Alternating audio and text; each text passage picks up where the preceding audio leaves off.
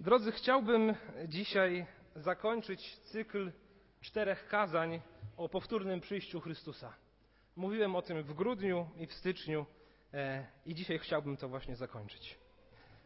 W tych kazaniach nie dotykałem szczegółów, o które często chrześcijanie się spierają. Właśnie z tego powodu. Nie mówiłem ani o porwaniu Kościoła i różnych koncepcjach na ten temat, tysiącletnim królestwie, wielu innych rzeczach, antychryście. Chciałem się skupić na tym, co wszystkich chrześcijan, niezależnie od ich poglądów i teologii, jednoczy. I dzisiaj właśnie chciałbym ten, ten czas rozważań o powtórnym przyjściu Chrystusa zakończyć.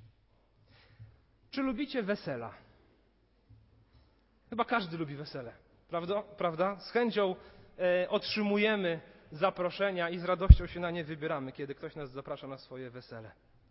Wszyscy są tam odświętnie ubrani, jest wspaniałe jedzenie, jest dobra zabawa, są znajomi, e, rodzina, z którymi nie widzieliśmy się od dawna, jest młoda para, świeżo sobie poślubiona, panuje klimat miłości i przyjaźni.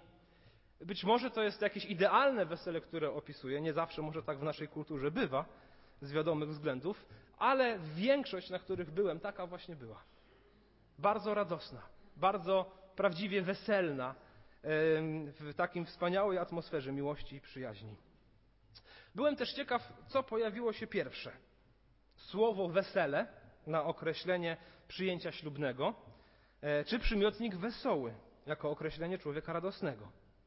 I pogrzebałem trochę w słownikach i okazało się, że pierwsze było określenie wesoły. O człowieku, który jest radosny, człowiek wesoły, a od tego wzięła się nazwa na to właśnie przyjęcie po ślubie, które nazwano weselem.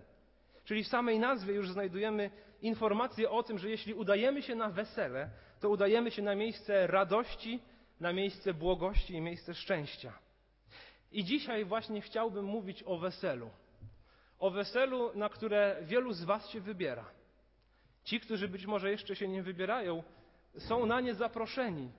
Zostali wezwani do tego, by to zaproszenie przyjąć lub odrzucić. Również dziś gospodarz tego wesela wciąż zaprasza. To oczywiście zaproszenie do objawienia Jana, rozdziału 19. Zachęcam, otwórzmy ten tekst. Księga Objawienia, e, ostatnia księga Nowego Testamentu, ostatnia księga Biblii, e, mówiąca o zwycięstwie Chrystusa i o porażce śmierci, szatana i grzechu. Często boimy się tej księgi, nie zaglądamy do niej. Myślę, że bardzo niesłusznie, bardzo niedobrze. Dlatego, że wiele rzeczy jest oczywiście dla nas niezrozumiałych, ale przesłanie jest dla nas bardzo zrozumiałe. Jezus Chrystus zwycięży. I Jego dzieci, wierni Mu ludzie, będą razem z Nim w wieczności. I o tym opowiada ta księga, i taki jest jej cel. Pocieszyć ludzi, którzy tutaj na ziemi cierpią, e, pocieszyć ich tym, że w wieczności będzie zupełnie inaczej. Dziewiętnasty rozdział to już jeden z ostatnich rozdziałów tej księgi gdzie wcześniej był opis wielkiej nierządnicy, wielkiego Babilonu. E, ona, ten, ten opis to obraz grzesznego świata, wrogiego Bogu e, i ten świat zostaje pokonany przez Chrystusa. I od wersetu pierwszego do wersetu dziesiątego w dziewiętnastym rozdziale czytamy następujące słowa. Potem usłyszałem jakby donośny głos licznego tłumu w niebie, który mówił Alleluja! Zbawienie i chwała i moc Bogu naszemu, gdyż prawdziwe i sprawiedliwe są sądy Jego. Osądził bowiem wielką wszetecznicę, która skaziła ziemię przeteczeństwem swoim i pomścił na niej krew sług swoich. I rzekli powtórę, Alleluja! I dym jej unosi się w górę na wieki wieków. I upadło dwudziestu czterech starców i cztery postacie i oddały pokłon Bogu siedzącemu na tronie, mówiąc Amen, Alleluja. A od tronu rozległ się głos mówiący: Chwalcie Boga naszego, wszyscy słudzy Jego, którzy się Go boicie, mali i wielcy. I usłyszałem jakby głos licznego tłumu, i jakby szum wielu wód, i jakby huk potężnych grzmotów, które mówiły: Alleluja! Oto Pan, Bóg nasz wszechmogący, objął panowanie. Weselmy się i radujmy się i oddajmy Mu chwałę, gdyż nastało wesele baranka i oblubienica jego przygotowała się. I dano jej przyoblec się w czysty, lśniący bisior, a bisior oznacza sprawiedliwe uczynki świętych.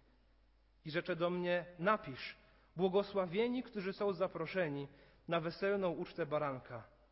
I rzecze do mnie, to są prawdziwe słowa Boże. I upadłem mu do nóg, by mu oddać pokłon. A on rzecze do mnie, nie czyń tego. Jam współsługa Twój i braci Twoich, którzy mają świadectwo Jezusa. Bogu oddaj pokłon. A świadectwem Jezusa jest duch proroctwa. Panie, prosimy, prowadź nas przez rozważanie Twego słowa. Prosimy Ciebie o to, abyśmy już tutaj weselili się i z radością oczekiwali na to wielkie przyjęcie, które czeka nas w niebie. Prosimy, rozjaśnij przed nami swoje słowo. Pociesz zasmuconych. Tych, którzy potrzebują napomnienia, napomnij. Panie, przeobrażaj nasz umysł, aby on stale chciał czynić Twoją wolę. Przemieniaj nasze dusze, by były jak najbardziej do Ciebie podobne. Prowadź nas, Panie, przez ten czas rozważania Twego słowa. Amen. Amen. Pierwszych sześć wersetów to wprowadzenie do tego, co dzieje się w, wersecie, w wersetach od 7 do 10. Pierwsze sześć wersetów to narastająca ekscytacja z powodu tego, co dzieje się w wersecie siódmym. I ten fragment można by podzielić na trzy części. Każda z nich zawiera w sobie przynajmniej jedno słowo Aleluja. To ciekawe, ten fragment to jedyny fragment w Nowym Testamencie, który zawiera słowo Aleluja. My używamy go bardzo często. Trzydzieści kilka razy można to słowo znaleźć w psalmach, ale w Nowym Testamencie to jest jedyne miejsce, w którym pada słowo Aleluja. I pada aż cztery razy. Aleluja, czyli z języka hebrajskiego chwała Bogu, chwała Jahwe. Wysławiajcie Boga. To radosne wezwanie do tego, by oddać Bogu cześć. Pierwsza część tego fragmentu to myślę, że wersety od pierwszego do trzeciego. Czytamy tutaj o wielkim tłumie, niezliczonym, który oddaje Bogu cześć. Mówi Alleluja, zbawienie i chwała i moc Bogu naszemu, gdyż prawdziwe i sprawiedliwe są sądy Jego. Osądził bowiem wielką przetecznicę, która skaziła ziemię. Oni są radośni, ci, którzy są w niebie, dlatego że Bóg rozprawił się z grzesznym światem, przedstawionym jako rozpustna kobieta, jako pijana prostytutka. I to bardzo mocna ilustracja, ale słusznie pokazująca grzeszny świat, który jest zbuntowany przeciwko Bogu, który prześladuje i zabija chrześcijan i szerzy swoje zepsucie. Bóg rozprawił się z tym we wcześniejszym rozdziale. Więc cały tłum ludzi zbawionych, którzy czekali na to w niebie, cieszą się i wołają: Alleluja, zbawienie, chwała, moc należy do Boga, prawdziwe i sprawiedliwe są sądy Jego. Druga część to myślę, że werset czwarty, kiedy do tłumu tych ludzi, którzy są w niebie, dołącza się 24 starców i cztery postacie. To są istoty, różne są interpretacje tego, co one oznaczają, ale są to istoty znajdujące się najbliżej tronu Bożego, otaczające Boży tron. I one również dołączają się i mówią Amen, czyli niech tak się stanie, zgadzamy się z tym, co było powiedziane wcześniej. Alleluja. A od tronu, rozumiem, że to te postaci właśnie, rozległ się głos mówiący chwalcie Boga naszego, wszyscy słudzy Jego, którzy się Go boicie, mali i wielcy. Więc ta ekscytacja, ta radość narasta, to wezwanie do tego, by przyjść do Boga i oddać Mu chwałę rośnie. I w końcu przechodzimy do trzeciej części, czyli wersety od szóstego do dziesiątego. I usłyszałem jakby głos licznego tłumu, jakby szum wielu wód i jakby huk potężnych grzmotów, które mówiły Alleluja, oto Pan, Bóg nasz Wszechmogący, objął panowanie. Mamy głos licznego tłumu, bardzo głośny, jak szum wielu wód, jak huk potężnych grzmotów. Onieśmielający dźwięk, jednak nie przerażający, ale raczej wiwatujący. Ekspresja radości Widzimy to w kolejnych wersetach, że tu chodzi o radość, o okrzyk zwycięstwa wyrywający się z niezliczonej ilości gardeł. I to myślę, że już jest obraz i tego tłumu, który jest w niebie, i tych postaci dookoła tronu Bożego oraz wielu innych sług Bożych. Spróbujmy to sobie wyobrazić, drodzy. Wielki tłum, niemożliwy do policzenia. Ludzie żyjący w różnych wiekach i w różnych tysiącleciach, z różnych miejsc świata, mówiący w różnych językach, o różnym kolorze skóry, każdy inny od, e, od kolejnych. Tutaj na ziemi e, niektórzy wiele znaczyli, niektórzy byli władcami i królami, inni być może w oczach świata niczym szczególnym się nie odznaczali, ale tam stoją wszyscy razem. I wszyscy razem w tej ekscytacji i w tej radości wołają do Boga. Pośród nich gdzieś stoi Mojżesz, stoi Abraham, Dawid, apostoł Paweł. Pośród nich stoją nasi bliscy, których już z nami nie ma, nasi, nasi bracia i nasze siostry. Stoi gdzieś tam może siostra Helena Pielech. Stoi gdzieś tam Stanisław Wójcik. Stoi gdzieś tam Petronela Tir. Są w tym tłumie. Pośród nich stoją też nasze dzieci, które zmarły przedwcześnie. Pośród nich stoją ci, którzy byli niepełnosprawni czy bardzo chorzy, a tam są zdrowi i w pełni e, sił w tej wielkiej grupie stoją i oddają Bogu cześć. Pośród nich, daj Boże, i my. Może z jakimś transparentem pierwszy zbór Kościoła Chrześcijan Baptystów w Warszawie. Z radością, gdzieś może w jednej grupie, razem z naszymi poprzednikami i z naszymi pasterzami. Ludzie z pozoru nie mający ze sobą nic wspólnego, ale w rzeczywistości będący braćmi i siostrami, połączeni we wspólnym celu za życia, żyć dla Bożej chwały i oddać Jemu cześć.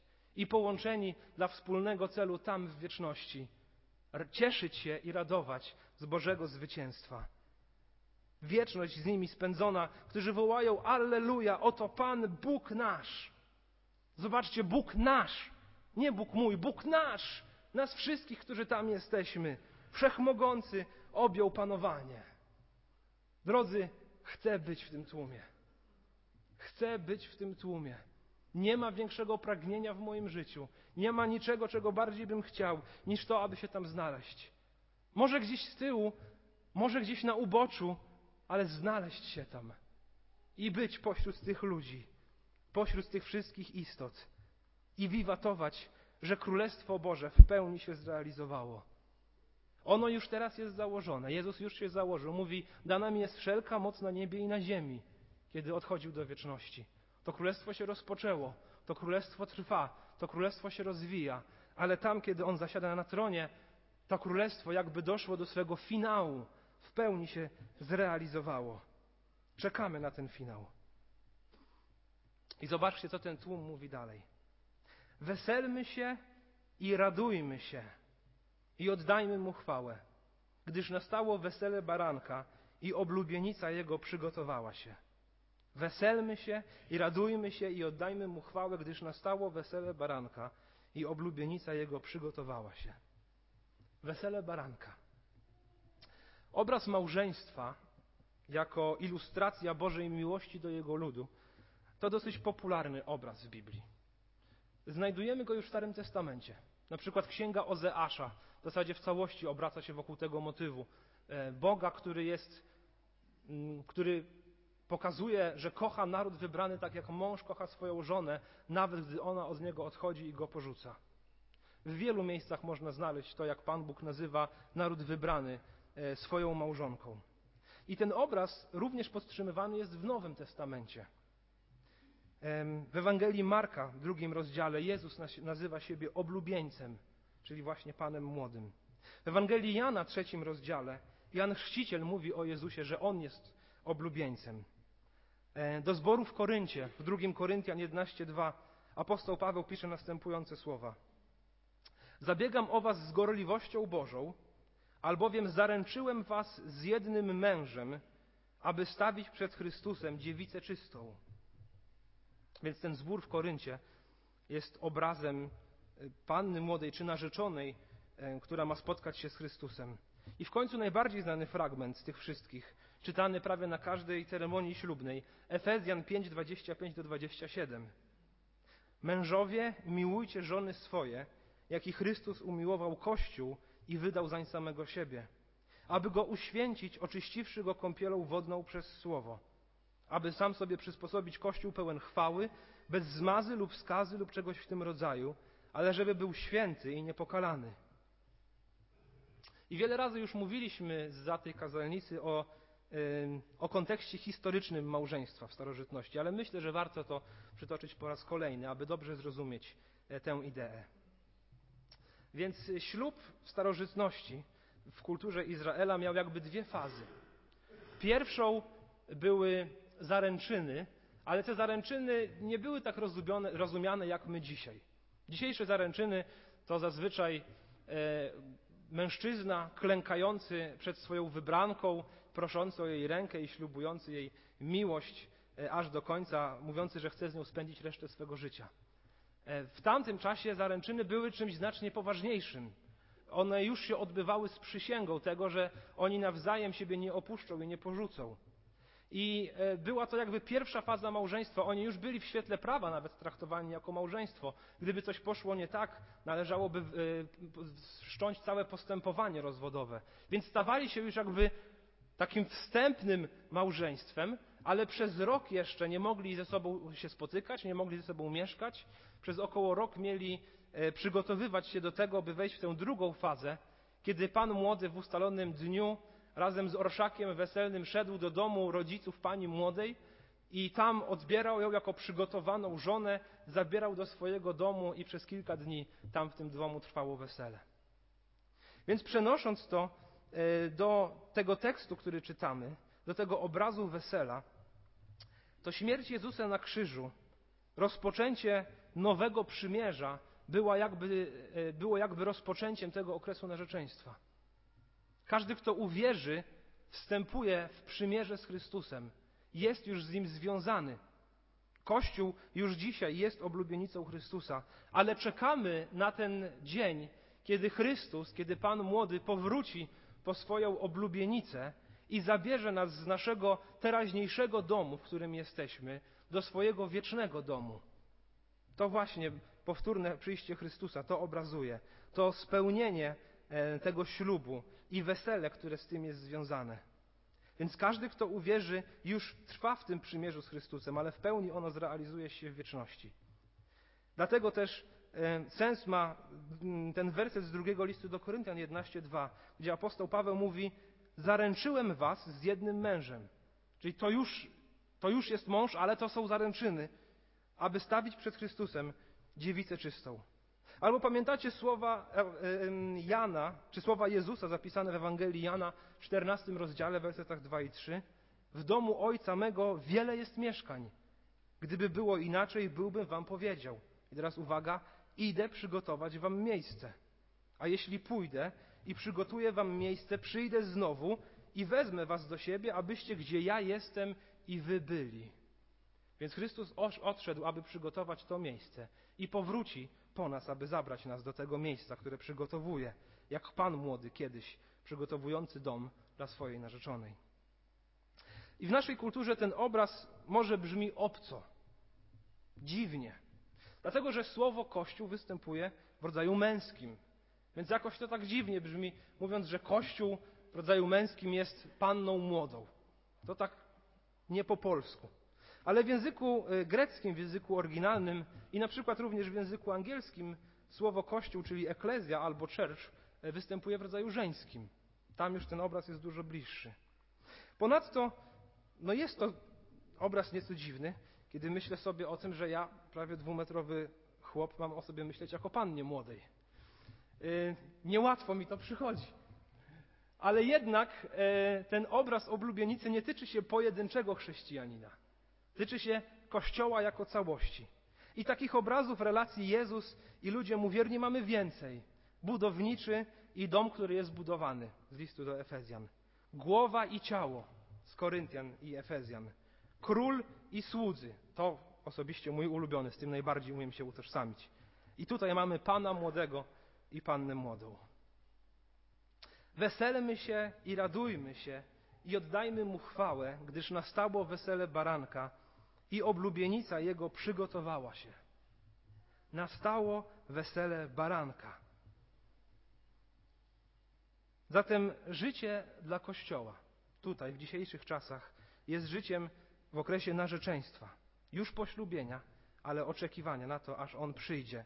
I tam, kiedy On przyjdzie, to, e, to przymierze dopełni się, a cała wieczność będzie jak wesele. będzie jak wesele. Więc celem wieczności, życia z Jezusem Chrystusem, tam już na zawsze, jest wesele, jest radość, jest uśmiech, jest szczęście. Celem wieczności i życia z Chrystusem jest wesele, radość, uśmiech i szczęście. Ale myślę, że to nie tylko w wieczności. Celem życia ziemskiego dla chrześcijan jest również radość. Cały list do Filipian o tym mówi. Apostoł Paweł co kilkanaście wersetów przypomina, wzywając Filipian, mówiąc im: radujcie się, radujcie się. Filipian 3:1 Ponadto, bracia moi, radujcie się w Panu. Pisać do was jedno i to samo nie przykrzy mi się, dla was zaś jest to zabezpieczeniem. Drodzy, jestem przekonany o tym, że celem wieczności i celem życia ziemskiego jest radość. Jest radość chrześcijanina. I często podkreślamy to tutaj z zakazalnicy, że życie jest trudne. I to prawda, jest trudne. Mówimy o wytrwałościach wobec prób. To jest bardzo ważne. Ale zobaczcie, co ma być efektem końcowym tych trudności i tych prób. Ma być radość. Jeszcze większa niż poprzednio. Myślę, że radość, uczucie towarzyszące błogości i wolności, powodzeniu, jest takim domyślnym stanem człowieka wierzącego. Nie da się komuś rozkazać, bądź radosny. I on powie, no tak, zapomniałem, a jestem szczęśliwy. No nie. Można komuś powiedzieć, uśmiechnij się, i on, czy chce, czy nie, może wykrzywić usta w grymasie uśmiechu, ale nie da się komuś powiedzieć, bądź radosny. Dlatego, że radość jest uczuciem, którego nie da się wymusić, które albo człowiekowi towarzyszy, albo nie. Apostoł, przepraszam, król Dawid w Psalmie 51, do którego właśnie dzisiaj chciałem i zrobiłem odwołanie, pamiętacie, co mówi po grzechu z Batrzebą, kiedy modli się? Przywróć mi radość z mojego zbawienia. Nie daj mi radość. Przywróć mi radość. Więc rozumiem, że jest to stan życia człowieka wierzącego, jest życiem w radości. I grzech tę radość zabiera. Dlatego też chciałem, abyśmy pomodlili się tak szczególnie wyznając Bogu grzechy przed tym kazaniem. Troski tę radość zabierają, ale kiedy one przejdą, człowiek wraca do swojego domyślnego stanu, tak to nazwałem, do radości. Człowiek zbawiony jest radosny, bo jest bezpieczny, bo wie, że Bóg ma o niego staranie. Człowiek wierzący jest radosny, bo ma obietnicę od samego Boga. I nawet gdy przechodzi przez trudności, a przechodzi przez nie bardzo często, to one służą nie temu, aby go zasmucić, ale myślę, że temu, aby po ich przejściu miał więcej radości niż miał wcześniej. Człowiek wierzący jest radosny, bo ma radość z przebywania z samym Bogiem. Nie da się tego wymusić. To jakoś Duch Święty w człowieku robi, że człowiek wierzący jest radosny. To nie znaczy, że każdy na tę radość odpowiada tak samo. Radość przeżywamy w różny sposób, ale przeżywamy. Posłuchajcie, co Jezus mówi do swoich uczniów, którzy smucą się z powodu Jego śmierci, ale również i z tego, że On ma odejść. Ewangelia Jana 16, 19 do 22. Poznał Jezus, że chcieli Go zapytać. I rzekł im, pytacie się nawzajem o to, co wam powiedziałem.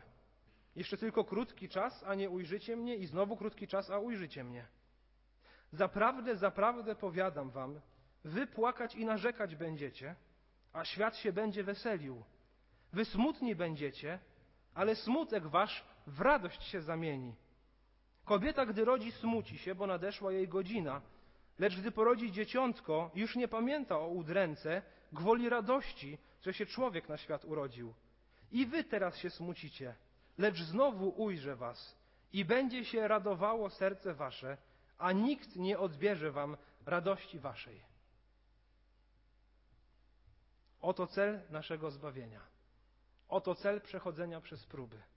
Oto cel wytrwałości. Radość. Radość i w końcu pobyt na wiecznym weselu. Drodzy, pragnę tam być. Pragnę doznawać radości przez wieczność. Pragnę doznawać tego już zawsze, niekończącej się radości, niezakłóconej przez smutek, niezakłóconej przez ból, niezakłóconej przez choroby, niezakłóconej w końcu przez grzech, największego mordercę radości. Chcę przeżywać tę radość na wieki z wami i z wieloma innymi wierzącymi, śpiewać na Bożą chwałę, wołając Alleluja! Oto Pan, Bóg nasz Wszechmogący, objął panowanie. Weselmy się i radujmy się i oddajmy Mu chwałę, gdyż nastało wesele baranka i oblubienica Jego przygotowała się. Jakże wspaniała obietnica.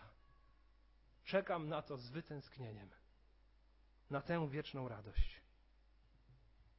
Oblubienica jego przygotowała się. W jaki sposób? Werset ósmy. I dano jej przyoblec się w czysty, lśniący bisior, a bisior oznacza sprawiedliwe uczynki świętych. Bisior to jedwab morski. To bardzo drogi, bardzo rzadki, bardzo delikatny materiał pozyskiwany z małż. Tak jak jedwab się po, po, mm, pozyskuje z pająków, tak jedwab morski z małż. Więc bardzo rzadki, bardzo drogi, bardzo delikatny, bardzo dobry materiał. I ta panna młoda, oblubienica, kościół jest przyozdobiony w czysty, lśniący bisior. A bisior oznacza sprawiedliwe uczynki świętych. Pierwsze, co widać w tym wersecie, to to, że skąd ona ma tę szatę, tę suknię. Dano jej. Dano jej przyoblec się w czysty, lśniący wisior. Więc nie jest tutaj mowa o tym, że ludzie wierzący wypracowują swoje zbawienie. Dano jej. W, tym pierwszym, w tych pierwszych dwóch słowach tego wersetu już widać Bożą łaskę. Te dobre uczynki, które są zobrazowaniem doskonałej jakości i czystości tej szaty, to ostatecznie efekt działania Bożej łaski. Dano jej. My sami nie wypracowujemy sobie tego. Dano nam. List do Efezjan, drugi rozdział, wersety 8 do 10, albowiem łaską zbawieni jesteście przez wiarę. I to nie z was, Boży to dar, nie z uczynków, aby się kto nie chlubił. Jego bowiem dziełem jesteśmy, stworzeni w Chrystusie Jezusie do dobrych uczynków do których przeznaczył nas Bóg, abyśmy w nich chodzili. Boży to dar. Zbawienie to Boży dar, to Boża łaska. Nie da się na nie zasłużyć, nie da się na nie zapracować, nie da się za nie zapłacić. Człowiek zostaje tym obdarowany. To Boże działanie w życiu człowieka. Na skutek łaski rodzi się wiara, a owocem tej wiary, który tworzy tę piękną suknię, to dobre uczynki, sprawiedliwe uczynki, e, dokonane w Bogu. Bardzo często podkreślamy ten aspekt łaski. To bardzo ważne, by o tym mówić. Ale jednocześnie konieczne jest mówienie o tym, że efektem Bożej łaski jest owoc sprawiedliwości. Po czym rozpoznać to, że ktoś został zbawiony, że doznał łaski, że prawdziwie poszedł za Chrystusem? Po owocach, po sprawiedliwym postępowaniu. I w pierwszym kazaniu w tej tematyce w grudniu mówiłem o roli dobrego życia w dziele zbawienia. I podawałem przykład biletu wstępu na mecz. Nie wiem, czy pamiętacie ten obraz. Że dobre uczynki w zbawieniu są jak bilet wstępu. To znaczy, kiedy wchodzi się na mecz, co mi się czasami zdarza, yy, trzeba okazać bilet. Ten bilet jednak nie wpuszcza nas tam. Wpuszcza nas cena, która została zapłacona za ten bilet, a bilet jest dowodem tego, że ta cena została uiszczona. Tak samo z Bożą łaską i z dobrymi uczynkami. Wstępujemy do wieczności tylko z Bożej łaski. Zostało nam to dane. Ale dowodem tego zakupu czy, czy wniesionej opłaty są sprawiedliwe uczynki świętych. Jest uświęcenie. Uczynki podobające się Bogu są tym, co sprawia, że suknia ślubna Kościoła jest piękna. Sprawiedliwe uczynki świętych szyją piękną suknię i świadczą o gotowości na spotkanie z Bogiem, a jednocześnie zostało nam to wszystko dane. Więc drodzy, nasza codzienność ma ogromne znaczenie. Jeśli zostałeś zbawiony w przeszłości, to teraz codziennie dbaj o to, aby wydawać sprawiedliwe uczynki świętych, aby żyć wedle Bożej woli. Zabiegaj o to, co kocha Bóg. Strzeż tego, co sprawiedliwe. Strzeż się, wy, wyrzekaj się tego, co Jemu się nie podoba. Jeśli chcesz wiedzieć, co to są sprawiedliwe uczynki świętych, sięgnij po tę księgę. Szczególnie polecam Tobie Ewangelię Mateusza, rozdziały 5, 6 i 7, kazanie na górze. Tam, jeśli to przeczytasz, dowiesz się, co to są sprawiedliwe uczynki. To one, wykonywane przez Kościół, przez każdego wierzącego człowieka, szyją tę piękną suknię z białego, z czystego, lśniącego bisioru. Ostatnie dwa wersety. I rzecze do mnie, napisz, błogosławieni, którzy są zaproszeni na weselną ucztę baranka. I rzecze do mnie, to są prawdziwe słowa Boże. I upadłem mu do nóg, by mu oddać pokłon. A on rzecze do mnie, nie czyń tego. Jam współsługa Twój i braci Twoich, którzy mają świadectwo Jezusa. Bogu oddaj pokłon. A świadectwem Jezusa jest duch proroctwa. Więc pierwszą cechą, która szyje tę suknię, to sprawiedliwe uczynki. Ale w wersecie dziesiątym dwa razy jest podkreślone świadectwo. Ten anioł, który oprowadza Jana, który to wszystko mu pokazuje, mówi: Jam współsługa Twój i braci Twoich, którzy mają świadectwo Jezusa. Bogu oddaj pokłon, a świadectwem Jezusa jest duch proroctwa. Więc drugą cechą ludzi gotowych na przyjście Chrystusa jest wydawanie świadectwa o Jezusie Chrystusie. Wydawanie świadectwa, dzielenie się Ewangelią, mówienie prawdy o Jezusie Chrystusie. Ci, którzy to czynią, którzy wydają to świadectwo, mają w sobie ducha proroctwa. Rozumiem to następująco, że tak jak prorocy w Starym Testamencie przychodzili do narodu i obwieszczali im prawdę o Bogu, tak i my, jeśli jesteśmy świadectwem i głosimy to świadectwo, mamy tego samego ducha. Ducha, który objawia prawdę o Bogu wszystkim, którzy są dookoła nas. I drodzy, wiele można by mówić o dawaniu świadectwa i ewangelizacji. Chcę przytoczyć pewną historię, aby Was zainspirować. Czytałem w tym tygodniu bardzo ciekawy artykuł, zatytułowany Żółte anioły. Wszyscy tutaj z pewnością słyszeliście o koronawirusie z Wuhan i o tym, że całe to miasto liczące 11 milionów ludzi i okoliczne miasta zostały zamknięte i objęte kwarantanną, odcięte od świata. Ludzie siedzą w domach, boją się wychodzić na ulicę. Żywność jest dowożona do miasta. I wiecie, jaka grupa ludzi jest najbardziej widoczna na ulicach tego miasta? Chrześcijanie. Chrześcijanie są najbardziej widoczną grupą na ulicach. W Chinach, gdzie prześladowanie Kościoła jest bardzo wielkie, gdzie zamyka się zbory, a ludzi wierzących wtrąca się do więzienia za czytanie Biblii.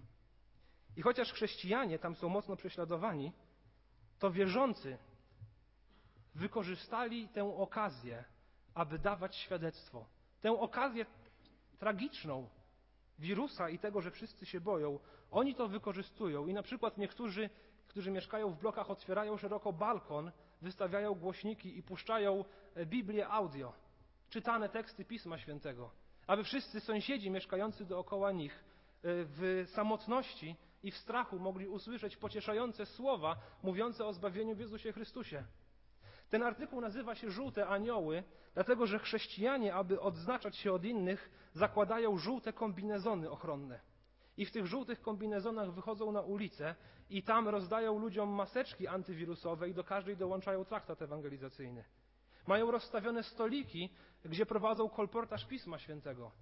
A ponieważ ta władza, która ich prześladuje, zajęta jest ratowaniem tych sytuacji e, kryzysowych, E, troszczeniem się o to, by dowieść jedzenie, e, by chronić miasto przed rabunkiem, nikt się nimi nie zajmuje. I oni wykorzystali okazję do tego, żeby być świadectwem. Niesamowita historia.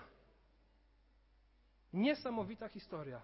Tak postępują chrześcijanie dzisiaj, wierzę, że w tej chwili, po drugiej stronie globu, w Wuhan i okolicznych miastach. Drodzy, czy my nie możemy robić tak samo? Nie musimy zakładać żółtych kombinezonów. Ale jesteśmy wezwani do tego, by być świadectwem, świadectwem o Chrystusie. Składać to świadectwo naszym dzieciom, naszym współpracownikom, naszym rodzicom, naszym kolegom i koleżankom w pracy czy w szkole. Niczym prorocy głoszący prawdę o Bogu w Starym Testamencie.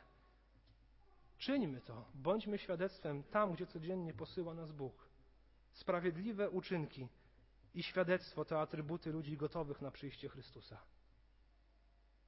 Kończąc, błogosławieni, którzy są zaproszeni na weselną ucztę baranka. Bogu oddaj pokłon. Drodzy, Jezus Chrystus przyjdzie. Powróci dla swojej chwały i dla naszej radości. Więc chcę sobie zadać pytanie: czy jesteś zaproszony na to wesele? Zaproszony jesteś, czy przyjąłeś to zaproszenie? Czy przyjąłeś to zaproszenie, które kieruje Słowo Boże, które kieruje Pan Bóg do życia człowieka? Czy na nie odpowiedziałeś? Jeśli tak, spotkamy się tam. Będziesz tam. Jeśli odpowiedziałeś na to wiarą, idziesz wiernie za Chrystusem, jesteś świadectwem, e, odznaczasz się sprawiedliwymi uczynkami, żyjesz wedle Bożej woli, woli, spotkamy się tam. Jeśli nie odpowiedziałeś, to dzisiaj jeszcze jest dzień łaski. Przyjdź do Chrystusa, odpowiedz na Jego zaproszenie, pójdź za Nim, wyznaj Mu swoje grzechy, a obiecuję Tobie, Twoje życie będzie radością. Wiele trudności, wiele prób, ale stanem domyślnym jest radość. I po każdej z tych prób i po każdym upadku człowiek wstaje mocniejszy, jeśli jest w Chrystusie i bardziej radosny. A w wieczności to już będzie tylko radość. Wieczność spędzimy pośród ludzi wiernych Bogu. Jezus powiedział w Ewangelii Mateusza: Wielu przybędzie ze wschodu i z zachodu i zasiądą do stołu z Abrahamem i z Izaakiem i z Jakubem w Królestwie Niebios. Czekam na ten stół i czekam na to wesele. Już tutaj doznajemy mnóstwa radości. Ale tam to będzie radość i radość i radość i radość i radość i na wieki już tylko radość. Dbajmy o tę radość w naszym codziennym życiu. Jeśli brak Ci jej, módl się o nią. Studiuj list do Filipian i zacznij żyć tym, co jest w nim napisane. Zachęcam Cię, zrób wszystko, co możesz, aby żyć w tej Bożej obecności, która daje mnóstwo radości. A w oczekiwaniu na przyjście Jezusa bądźmy przygotowani, pełni owocu dobrego życia, prowadzonego wedle Bożej woli i pełni świadectwa wydawanego wszędzie tam, gdzie możemy. Zachęcam w tym tygodniu w ramach zastosowania przeczytajmy kazanie na górze, piąty, szósty i siódmy rozdział Ewangelii Mateusza. To też było e, przerabiane na zborowej szkole biblijnej w ostatnim czasie. Przypomnijmy sobie, czym są te uczynki podobające się Bogu i czym jest wydawanie świadectwa. Dzisiejsze kazanie i cały ten cykl o powtórnym przyjściu Chrystusa chcę zakończyć pewną historią. W XIX wieku żył wielki kaznodzieja prezbiteriański James Henley Thornwell. I w 1859 roku przed swoim zborem miał zaszczyt ogłosić zaręczyny swojej osiemnastoletniej córki, która miała na imię Nancy. Zaproszenia na ślub, który miał niedługo nadejść, zostały rozesłane do wielu gości w Stanach Zjednoczonych. Ale na niedługo przed tym ślubem jego córka zachorowała na cholerę i z każdym dniem robiła się coraz słabsza. I było jasne już po kilku dniach, że nie będzie mogła stanąć na ślubnym kobiercu. Ale ponieważ goście podróżowali z daleka, to kiedy stało się pewne, że ten ślub się nie odbędzie, nie dało się już tych gości zawrócić, bo oni wyruszyli ze swoich domów, nie było ich jak o tym poinformować. I z każdym dniem ona czuła się coraz gorzej. I pastor Thornwell siedział przy łóżku swojej umierającej córki, płacząc. Na co Nancy mówi do niego: Tato, nie płacz. Ja znam swojego zbawcę. Jej ojciec mówi: Ale przecież za chwilę miał się odbyć Twój ślub. Całe życie przed Tobą, a Ty umierasz. Na co jego nastoletnia córka odpowiedziała: Tato, ale ja idę do jeszcze wspanialszego pana młodego. Jestem gotowa, aby się z nim spotkać. I Nancy Thornwell zmarła w sobotę, dzień przed swoim ślubem. Goście weselni, którzy przyjechali na niedzielną uroczystość zaślubin, tak naprawdę przyjechali na jej pogrzeb. I w niedzielne popołudnie została pochowana w swojej sukni ślubnej na przyzborowym cmentarzu, a na grobie wyryto napis z objawienia Jana 21:2 przygotowana jak przyozdobiona oblubienica dla męża swego. Drodzy, życzę sobie i Wam, aby na naszych grobach również tak było napisane. Przygotowani, jak przyozdobiona oblubienica dla męża swego. Amen.